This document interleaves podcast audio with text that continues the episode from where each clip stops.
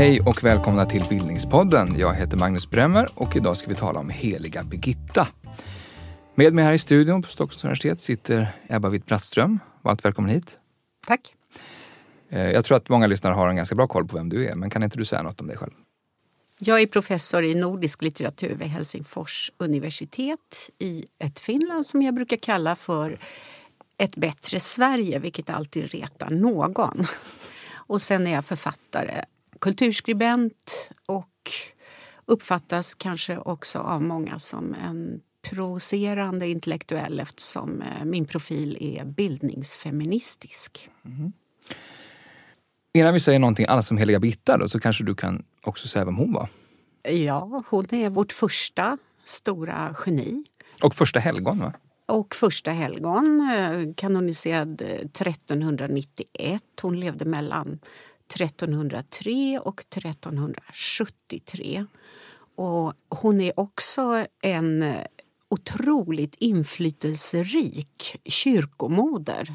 Förutom författare till Himmelska uppenbarelser, 600 texter. Nyckeltexter, mycket tycker jag, för kristendomen.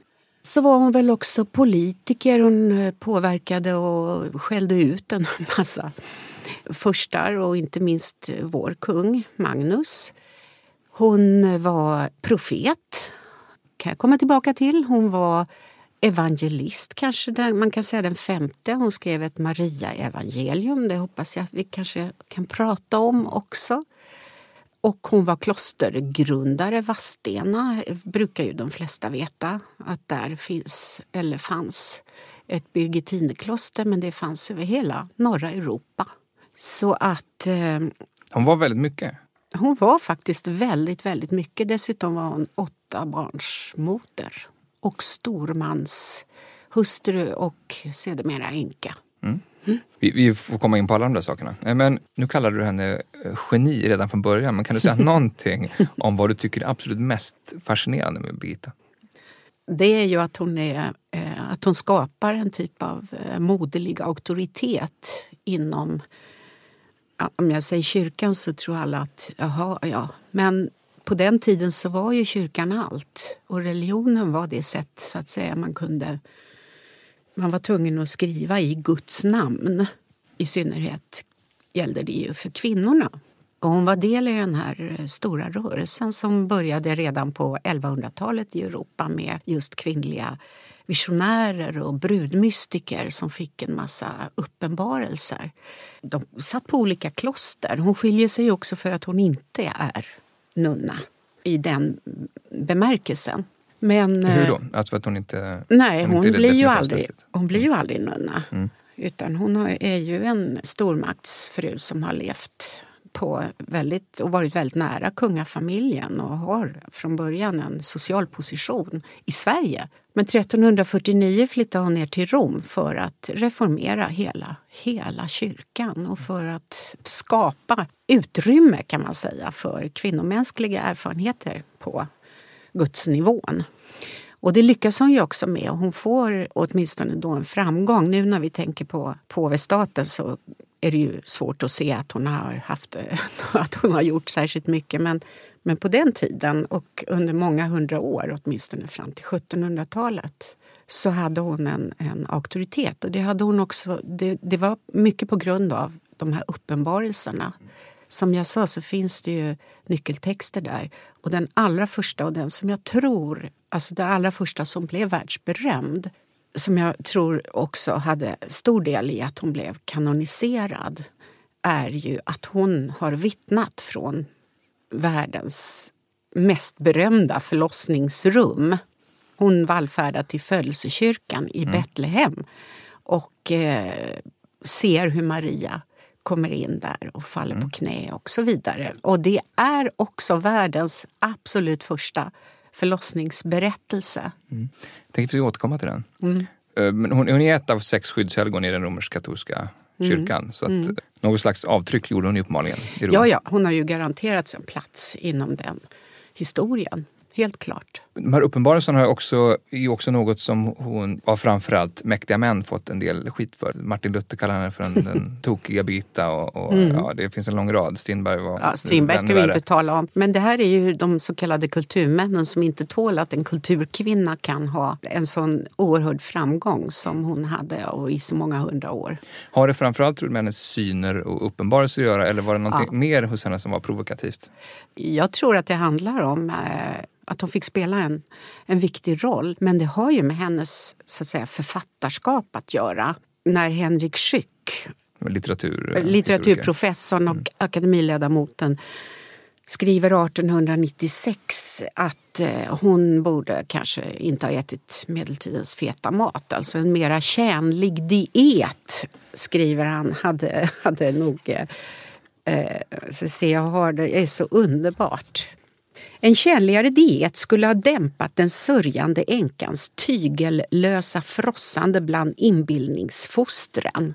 Det är helt otroligt. För man kan Hur ju då fråga... Och, och ja, men då måste man ju fråga sig om det nu var fet mat på medeltiden, varför hade inte alla uppenbarelser och inbildningsfoster? Mm. De gör verkligen vad de kan. Maktlysten, härsklysten allt, allt. Och det går ända in i vår tid att hon kan bli ämne för riktig, som man säger, slut-shaming mm.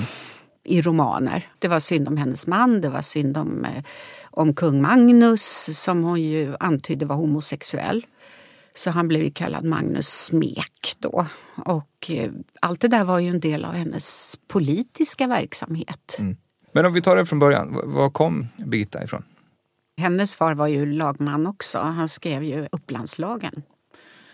Så hon hade ju en ganska stark eh, socialt privilegierad situation från början. Men när hon sen ska, inför kanoniseringen så är det två av hennes svenska biktfäder, Petrus av Alvesta och Petrus av Skänninge. Alltså som det, skriver, efter, hon, efter hon har dött? Och efter att hon har dött, ja. Just det, kanoniseringen var ju 91 och hon dör 73. Så mm. då kommer det en slags biografi inför det. Alltså en slags helgonförklaring? Ja, just det. Mm som sen gör att hon, vad ska man kalla det för, beredande av mm. eller nominering till, till helgonskap. helgonskap ja. Mm. Mm. Och då, då lyfter de fram vissa saker som finns också i, i de här uppenbarelserna som ju alltså är utspridda på eh, åtta böcker och en del som kallas för extravagantes. Det är ett häftigt namn. Så ja, då lyfter de upp detta att hon faktiskt blir kallad som eh, profet och då blir man ju det uppifrån och ner.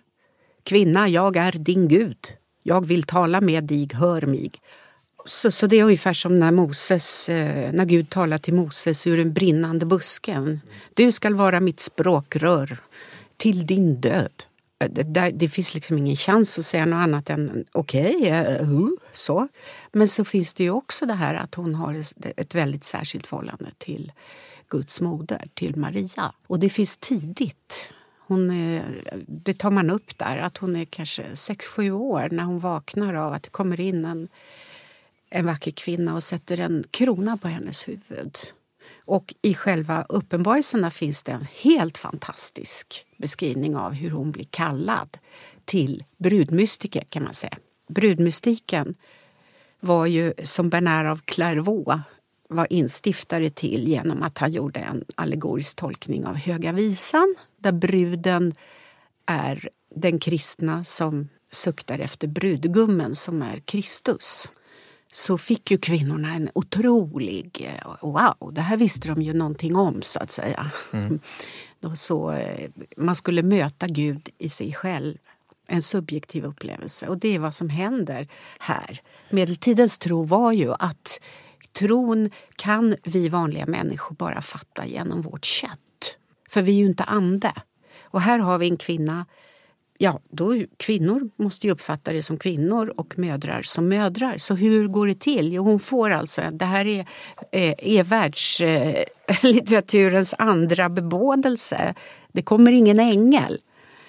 Men hon känner hur hon sväller upp och hur det rör sig i henne. Det är en graviditet. Är det här redan det är som, som, en fisk som sexåring? Eller det här är senare? Nej, det här är ju mm. senare. Så mm. Det är som en fiskfena som slår inne i henne. Det är så kvinnor upplever när fostret börjar röra sig.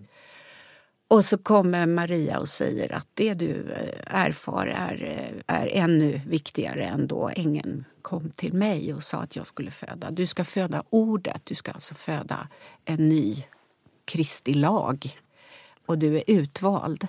Och jag kommer att vara med dig så länge som du vill. Och det är ju en helt annan typ av kontrakt. Men redan som sexåring, så, som hon ja. minns det, så känner mm. hon sig ja, kallad. Utvald. Hon är utvald. Mm. Ja. Finns det andra liksom, vittnesmål från barndomen eh, kring de här sakerna? Det finns ett vittnesmål också som Petrus Anna tar upp och där pratar hon eh, med Kristus när han hänger på korset. Mm. Det är också ganska typ intimt. Mm. Ja. Men finns det dokument som visar att liksom omgivningen också förstod att det här var något speciellt redan från början? Eller är det något som kommer till henne efterhand? Som tror Nej, det kommer efterhand. Hon blir ju bortgift i tidiga tonåren med Ulf Gudmundsson. Det är tydligtvis ett lyckligt äktenskap på många sätt. Motvilligt ändå? Eller? Åtminstone Man blev ju bortgift. Mm. Det var väl inte så mycket att protestera emot.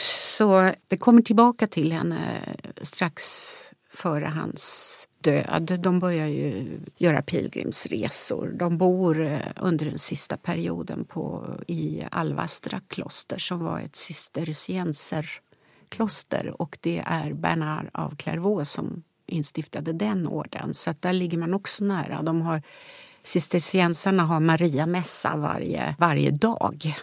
Så att det fanns en uppvärdering av Maria redan under 1300-talet och 1400-talet brukar man ju kalla för Mariadyrkans stora århundrade vilket sen också säkert leder till att protestantismen kommer som en patriarkal återställare i början på 1500-talet. Mm. Men det är ju ändå den, den himmelska Maria. Men det Birgitta gör är ju att hon tar ner henne på jorden och gör henne till en av oss, nästan. Vad är det annars för tid hon växer upp i? Alltså det är en bild av eh, dåtidens Europa och Sverige. Kanske. Jag skulle tro att hon växer upp eh, hyfsat skyddat. Men sen kommer ju digerdöden också till Sverige.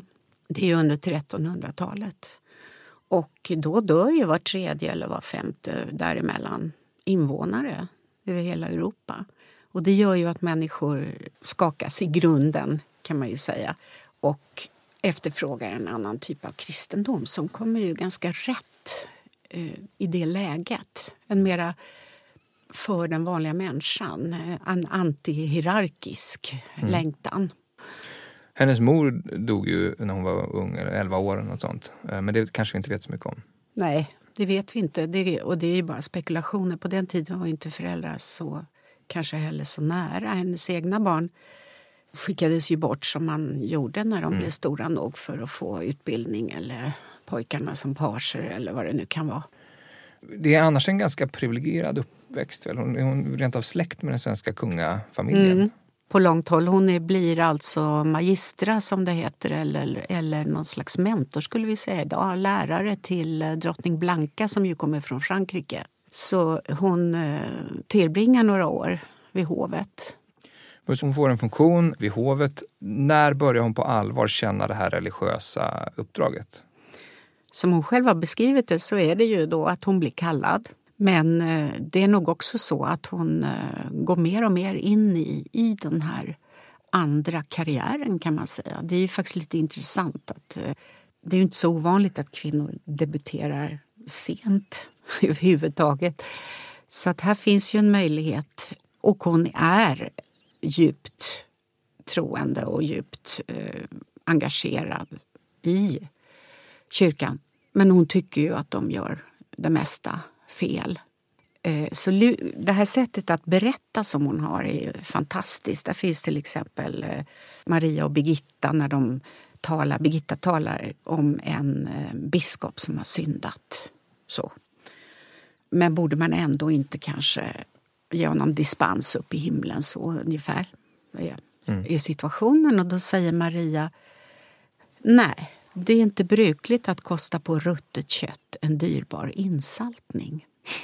Det är ett av mina favorituttryck. Det är lite långt sådär när man ska debattera men det finns många i vår tid som det Den är ganska bra. Ja. Eh, och, och, det är på det viset att hon för ju också in i hela husmorsvärlden som du hör. Mm Eh, Eh, man kan till exempel läsa sig till hur man, hur man gjorde öl. Och då är det en bild för någonting religiöst. Så att hon använder ju en helt annan, ett annat typ av språk. Och just de här metaforerna är helt underbara. Eh, det värsta man kan säga är att en, eh, det är ju oftast män som har makt som kulturmännen där på den tiden som ska dras ner av Birgitta och Maria. Så kan man säga så här att hon kan säga äh, den mannen är som ett dödfött foster. Det är också rätt kränkande. ja, Definitivt. Inget Man, att göra. Det, det är en, hon är en kontroversiell person ganska tidigt i sina uttalanden. Och... Ja, det är hon. Skulle du kalla henne för en, för en politisk person? Definitivt en politisk person, det vill jag säga.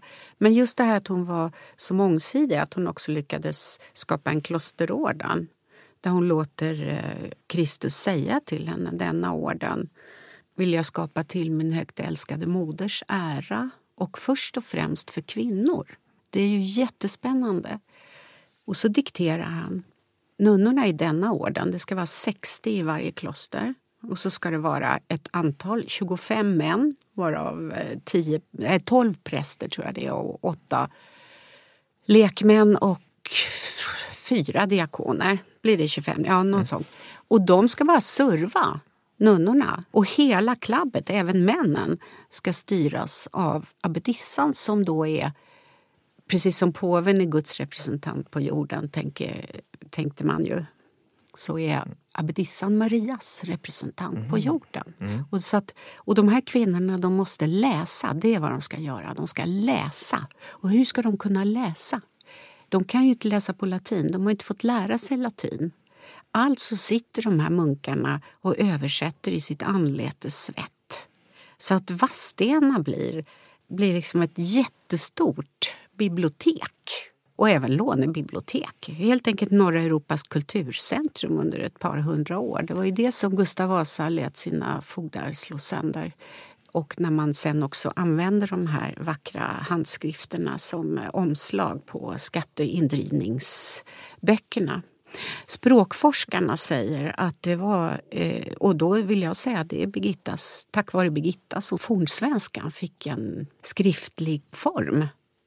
Så det, det är faktiskt helt, helt Men, otroligt. Redan i den här hovtjänsten, som du var inne på det här mm. tidigt, så hamnade du lite på kant väl med, med kungen. Hon, mm. vi tar det, hon, hon, kallar honom homosexuell mer eller mindre. Då. Var, mm. är det också en uppenbarelse som hon får se någonting väl? Mm. Allting är ju eh, tillrättalagt som uppenbarelser. Ja. För att det, som jag sa, så, så måste man liksom tala genom Gud. Eh, Hildegard av Bingen som hon ju kände till, 1100-talets stora uppenbarelseförfattare och geni, universalgeni. Hon, eh, hon kallade sig själv för Guds lilla trumpet. Mm. Samtidigt som hon liksom rattade två jättestora nunnekloster varav det ena jämnades med marken av under 30-åriga kriget av svenska legosoldater är hum. Man är ödmjuk inför Gud men, men ganska mäktig i övrigt då? Just det, man talar så att säga med den auktoriteten. Det var en ganska praktisk genre också det här med uppenbarelse, man kunde få en del sagt. Man kunde ju få allt sagt. Det här kan jag, kan jag känna att jag kan avundas lite grann. Tänk vad man kunde få styra och ställa och domdera. Och det är ju faktiskt helt, helt fantastiskt. Det går inte att likna uppenbarelsegenren med någonting idag? Nej, det måste jag säga. Den är nog alldeles unik. Fast idag skulle vi ju då kunna skriva en fiktiv biografi givetvis om Maria, för det är ju det hon gör. Hon korrigerar Bibelns berättelse. Hon tycker väl att det är ganska torftigt där. Så vi får veta hur Maria har det, hur hon föds och hur hon växer upp. Och sen är det ju väldigt intressant hur hon tillskriver Kristus, du vet det här när Jesus hänger på korset och säger Min Gud, min Gud, varför har du övergivit mig? Då skriver Birgitta, som Maria berättar för Birgitta hur hon står vid korset och smärtan hon känner som en hav, alltså som en, det är som att en förlossning i hela kroppen. Att se honom dö, det är oerhört vackert. Och sen så säger hon, detta utrop var föranlett mer med tanke på mitt lidande än på hans. Så hon liksom kapar det här. Helt otroligt, det här bandet mellan far, himmelske fader och, och, och son. Och säger, nej, det är ju modern. Modern är ju främst. Precis som Jesus får säga sånt där som jag älskar dig med en särskild kärlek emedan jag är född av ditt kött. Jag har alltid undrat, kan man få en, en kylskåpsmagnet med de orden? Mm. liksom. Det skulle vara, var nog varje mamma tycka var roligt. Ja. Du skulle säga att hon är nog väldigt medveten också om vad hon gjorde i de här uppenbarelserna? Ja, definitivt. Och jag är ju inte den första. Det finns en forskningstradition. Mm. Emilia Fågelklo, Birgit Klockars. Det finns en feministisk forskningstradition för hon hämtades ju hem i slutet på 1800-talet och början av 1900-talet när de svenska kvinnorna började organisera sig. Man säger att det var först då hon verkligen fick upprättelse för, vad, ja, för sin gärning? Ja, mm. och på Fågelsta kvinnliga medborgarskola som fanns mellan 1926 och 1954 när man kom in där så hängde på ena sidan ett porträtt av den heliga Birgitta och på andra sidan ett porträtt av Fredrika Bremer. Mm. Det var liksom de två pelarna för hela eh, feminismutvecklingen i Sverige. Mm. I det religiösa kan man säga att hon bejakade moderligheten som du uttrycker det. Men, men det finns inte också något androgynt över henne? Hon pratar om sig själv som att hon vill vara sträng som en mm. far och Barmhärtig som en, en mor, ja. ja. Mm. Apropå att vara ett litet instrument, det var Hildegard Binges ja. ord. Men, eh, och, och, och, samtidigt vara en, en närvaro och en, en maktfigur i, i vissa sammanhang. Ja, men jag tänker att det viktiga för henne är ju att fylla på med att göra kvinnokönet så att säga också universellt giltigt. Att man kan ju bli ganska trött på att det är Gud, Fader, Sonen och den heliga Ande mm. i alla sammanhang. Så det menar jag nog var en politisk, en feministisk politisk strategi. Mm. Och vad, vad liksom, en överblick om uppenbarelserna. De är 600 till antalet ungefär. Ja, de är 600. De är eh. indelade i, kan man säga, grovt i tre grupper. Och skrivna eh, när Ja, 1340-talet och till slutet. Mm. De trycks först 1490-talet någon gång? De, de trycks 1492 mm. i Lübeck. Men de skickas ju ut i handskrift det finns inte bara i, i, i kyrkan i Vatikanen utan det finns, de finns också i olika furstehov. Alltså före 1490? Ja, de mm. gör avtryck i eh, konsten. Det är fullständigt entydigt att hon är med och förändrar just den här eh, bilden av ja, det vi kallar Kristi födelse. Mm. Som om det är något han gör själv. Men de är, vi tar, låt, oss, låt oss gå till den här förlossningsskildringen. För det, det är kanske din favorit av de här uppenbarelserna? Det är min favorit. Mm. Ja, när jag befann mig, skriver hon, vid Herrens krubba så ser jag en mycket fager havande jungfru som kommer in. Och hon har med sig har hon en, en åldrad man. Han var han framställdes alltid som väldigt gammal, Josef. Han blir faktiskt yngre sen i, i mm. konsten. Det är mm. intressant. Mm. Han fäster ett litet ljus i muren och så går han ut. För han ska inte vara med närvara vid förlossningen. Och jungfrun hon eh, ställer sig på knä och hon tar av sig eh, slöjan och hon har ett vackert guldgult hår. Detta är ju oerhört märkligt, mm. men det hade Birgitta. Och på något sätt så kommer den här gamla mammans organminnen som Emilia Fågelklo säger, de pratar i den här texten. Hon vänder sig mot öster och börjar be. Och det är ju helt otroligt, för det betyder att det skapas ett kyrkorum, en sakral händelse.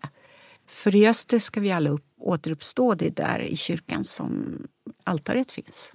Så alltså Birgitta skapar ett kyrkorum. Och så föder hon. Eh, jo, hon lägger små barnplagg bredvid sig som hon har tagit med sig. För att linda det väntade barnet i. Och så föder hon och för all del är det då en lite himmelsk eh, vad heter det, ryggmärgsbedövning får man tänka sig, mm. för det går fort. Mm. Och så kommer barnet fram på en liten, hon har också lagt dit en liten trasa som barnet ligger på. Och Birgitta beskriver allt detta som att hon, hon bevittnar det? hon bevittnar det, mm. hon beskriver det och när barnet, eh, när hon kände att hon hade fött, där finns också efterbörden som ligger bredvid henne och navelsträngen tar modern och klipper av med fingrarna. Så att navelsträng, efterbörd, det, det, det, är ju väldigt tydliga tecken på en verklig förlossning. Och när hon känner att hon har fött, det här är också en sån där riktig motståndshandling kan man säga. Så tillber hon honom och så säger hon var välkommen, min Gud, min Herre, min son. Det är en sån här antihierarkisk rörelse. Han är ju hennes Gud, han är ju hennes Herre. Viktigast är att han är hennes son. Och när hon säger det, var välkommen min son, då, skriver Birgitta, då började gossen leva. Alltså han vände sig från där han låg, sträcker ut sina armar mot modern. Och då tar hon honom, mot, värmer honom mot bröstet med öm moderlig medlidsamhet.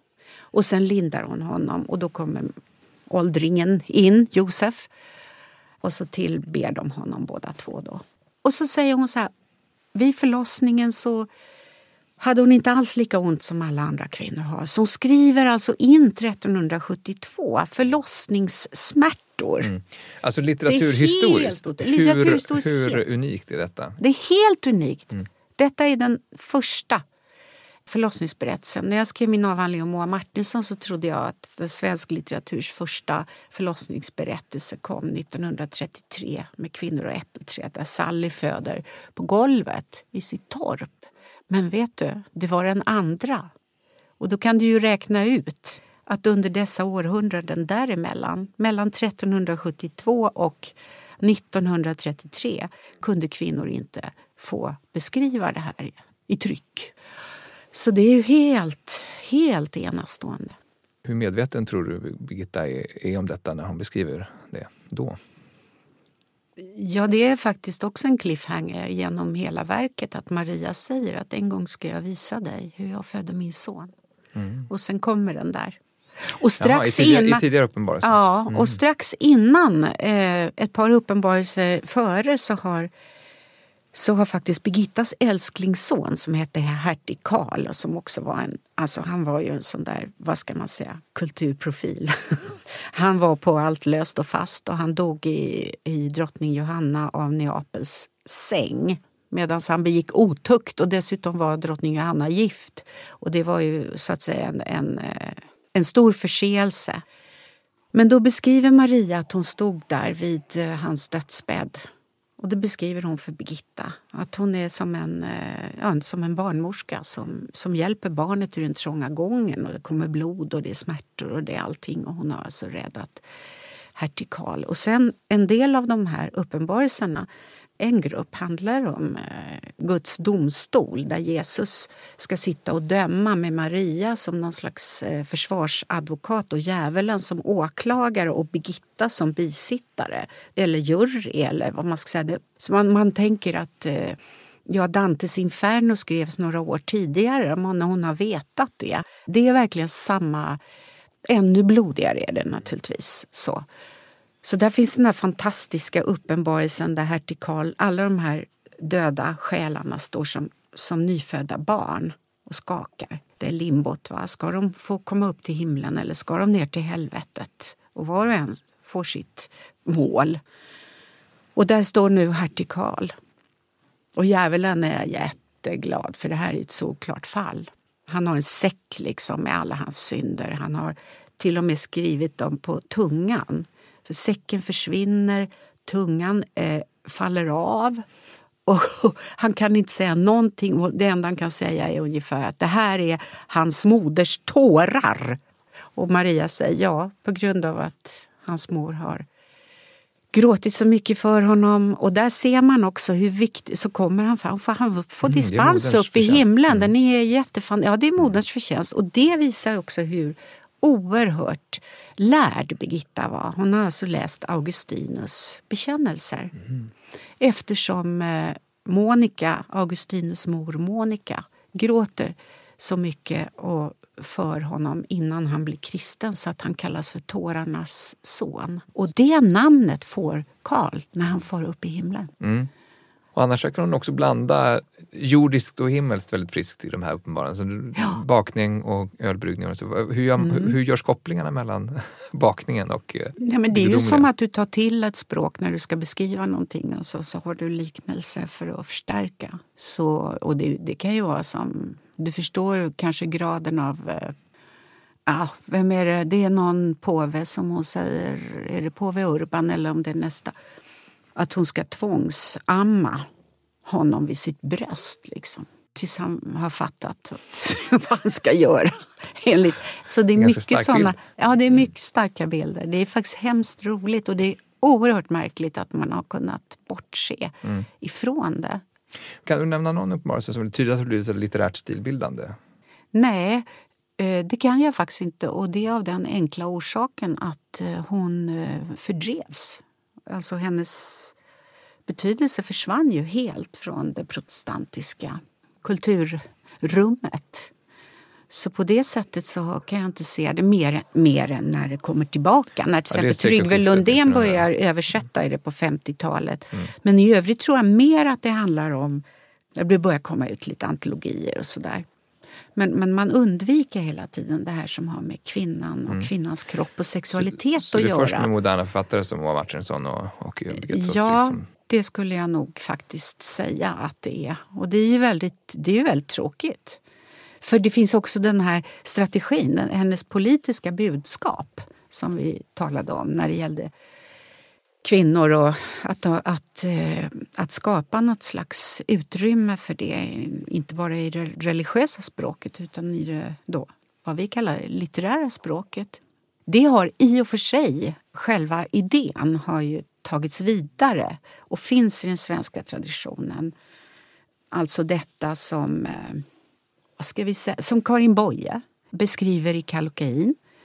Att det finns en dröm om en, eh, en utopi om en värld där alla är mödrar oavsett om de är män eller kvinnor, eh, oavsett om de har fött eller ej.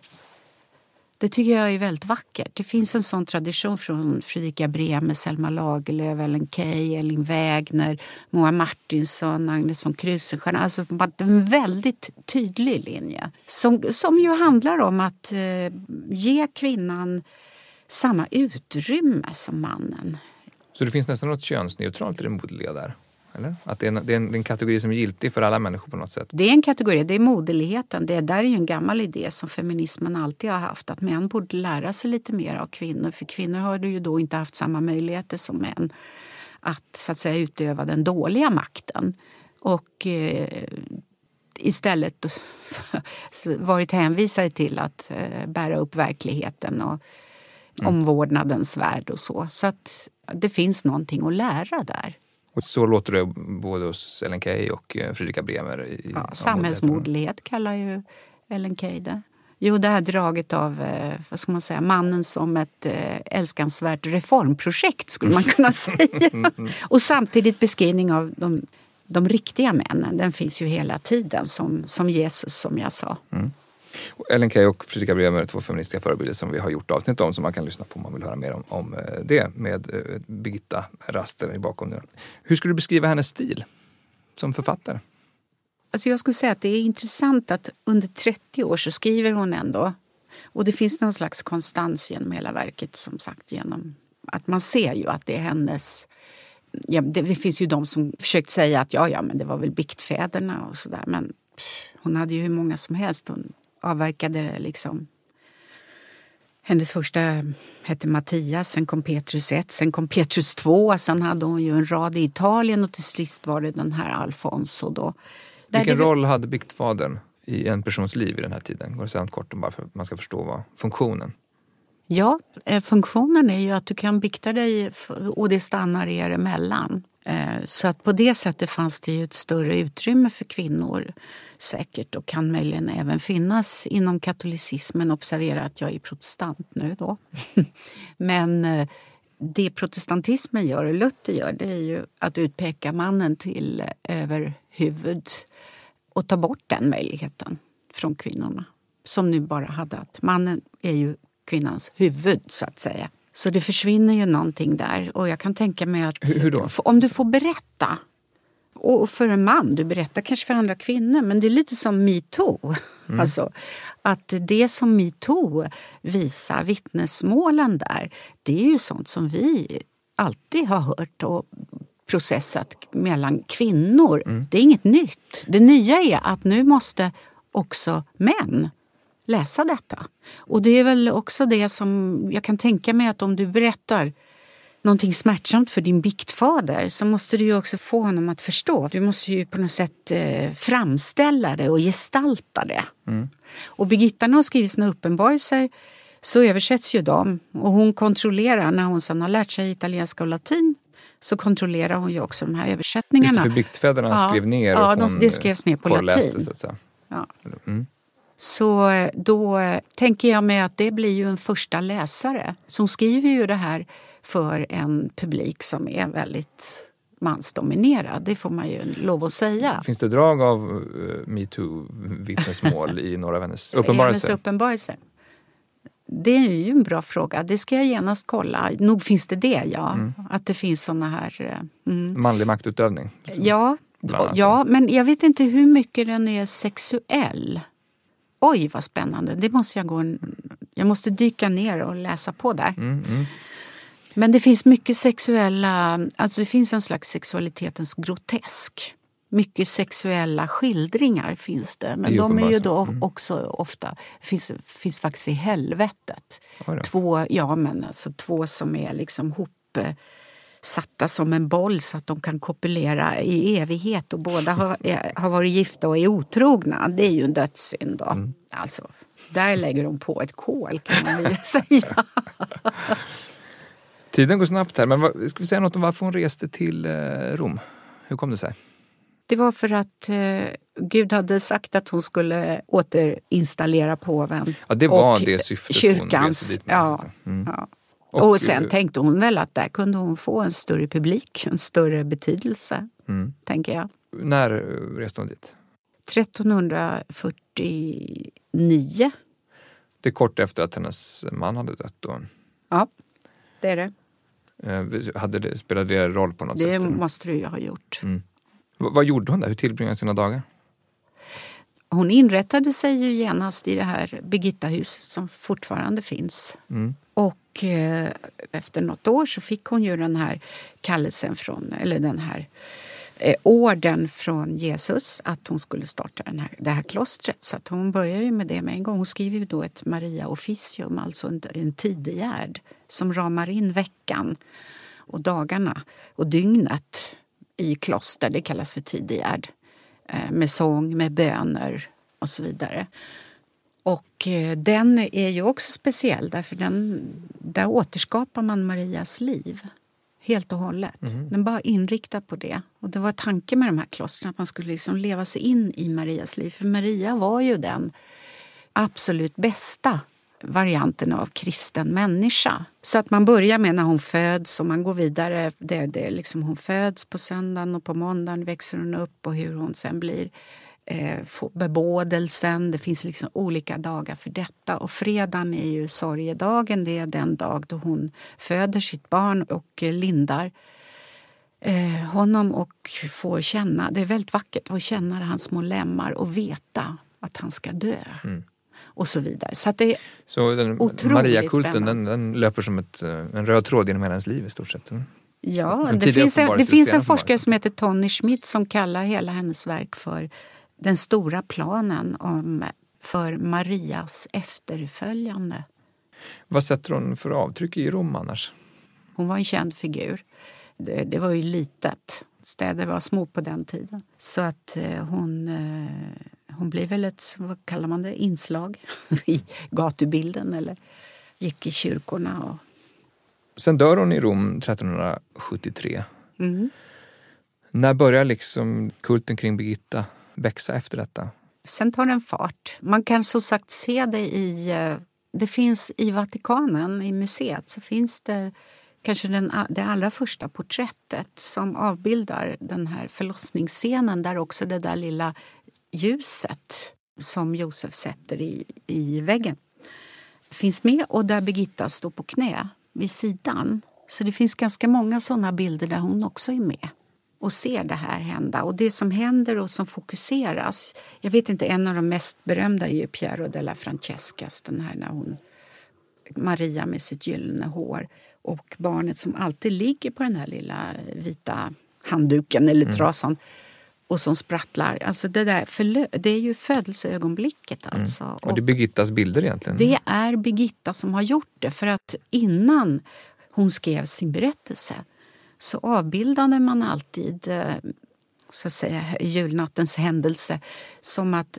Maria är som en barnsängskvinna. Hon kan ligga på en säng men hon kan också liksom ligga utanför någon grottliknande krubba och så har hon ett liksom lindat barn, sådär, du vet, stoppad korv-Jesus eh, på armen och sen så herdarna framför. Så att nu kommer man in i det, den här intimiseringen alltså av budskapet som jag tror är, har varit väldigt, väldigt viktigt för kristendomen. Vi får ju sen hela den ikonografin och den ser likadan ut. Och det kommer väldigt, väldigt tidigt. Alltså jag tror, är den från 1380 eller 90-talet redan, den, den lilla bilden som, som hänger i Vatikanen. Så man sätter ju igång väldigt snabbt, det gör man. Jag tror att det kan ha med det här att göra, vittnes... Så det, att man ser det som vittneslitteratur. Nej, men hon var där. Hur kan man vara säker på att hon inte var där? Hon var där, hon såg det här. Gud lät henne se det här. Andra sådär spår av efter Birgitta idag? Kan du se det bilder, idéer eller? Alltså det, hon, hon är ju en av medeltidens mest avbildade människor. Så att, eh, under, sen försvann ju de här Birgitta-statyetterna precis som alla helgonbilder skulle ju bort i Svenska kyrkan. Men man har ju sparat sen i förråd och så. Så att just den där bilden av Birgitta, som, och det är ofta att hon står och så har hon dok och så har hon den här dräkten som hon instiftade, den här gråa då. Och så står hon och så pekar hon mot en tjock bok som hon håller i. Och det är hennes himmelska uppenbarelser. Och för mig som litteraturhistoriker är det ju helt fantastiskt. Här har vi den första författaren i Sveriges kulturhistoria. Och hade man räknat från henne i litteraturhistorien då hade man ju naturligt sett inte bara hennes symboliska söner liksom mm. framåt som, som var stora författare utan också döttrarna. Men när är den här eh, bilden ifrån, där hon pekar på boken? Det är 1400-talet när det, där, när det kommer ut med henne, ja. när hon blir helgon. Hon är ju det första nordiska helgonet. Vi pratar om helgon men det finns många som inte är så att säga sanktionerade från högsta ort. Nej, just det. Ja. Apropå högsta ort som ju då inte ligger i Sverige uppenbarligen. Mm. Är det så att hon har varit mer uppburen eh, utomlands? Mm. Och hon var det i, eh, nej, hon var det i katolska kyrkan fram till 1700-talet och det är en påve som säger att hennes skrifter är farliga för här talar icke helig, den helige ande. Och då blir det lite mer sådär restriktioner kring det. Inte någon bannbulla så, men i alla fall. Och det kan jag ju hålla med honom om att det inte är den heliga ande som talar. Nej. Utan det är Birgitta Birgers dotter. Mm. Och det finns någonting som du tycker att heliga Birgitta kan eh, säga till oss i vår tid särskilt. Vad skulle det vara? Om du får välja en sak. En sak? Mm. Ja, då är det ju naturligtvis det som också är hennes huvudsakliga budskap att eh, vi ska alla bli mer moderliga och vi ska respektera kvinnor och flickor och se att de har lika människovärde som pojkar och män. Fina slutord. Tack Ebba Witt-Brattström Tack för att du själv. var med. Mm. Eh, tack alla ni som har lyssnat. Gå in på bildningspodden.se och lyssna på tidigare avsnitt. Ni kan också skicka ett mejl till bildningspodden su.se med nyhetsbrev i ämnesraden så får ni veta mer om våra program. Vi är tillbaka om ett par veckor. Tack och hej! Du har lyssnat på Bildningspodden, en podcast från humanistiska fakulteten vid Stockholms universitet. Podden spelas in på Språkstudion och tekniker är Kristin Eriksdotter Nordgren.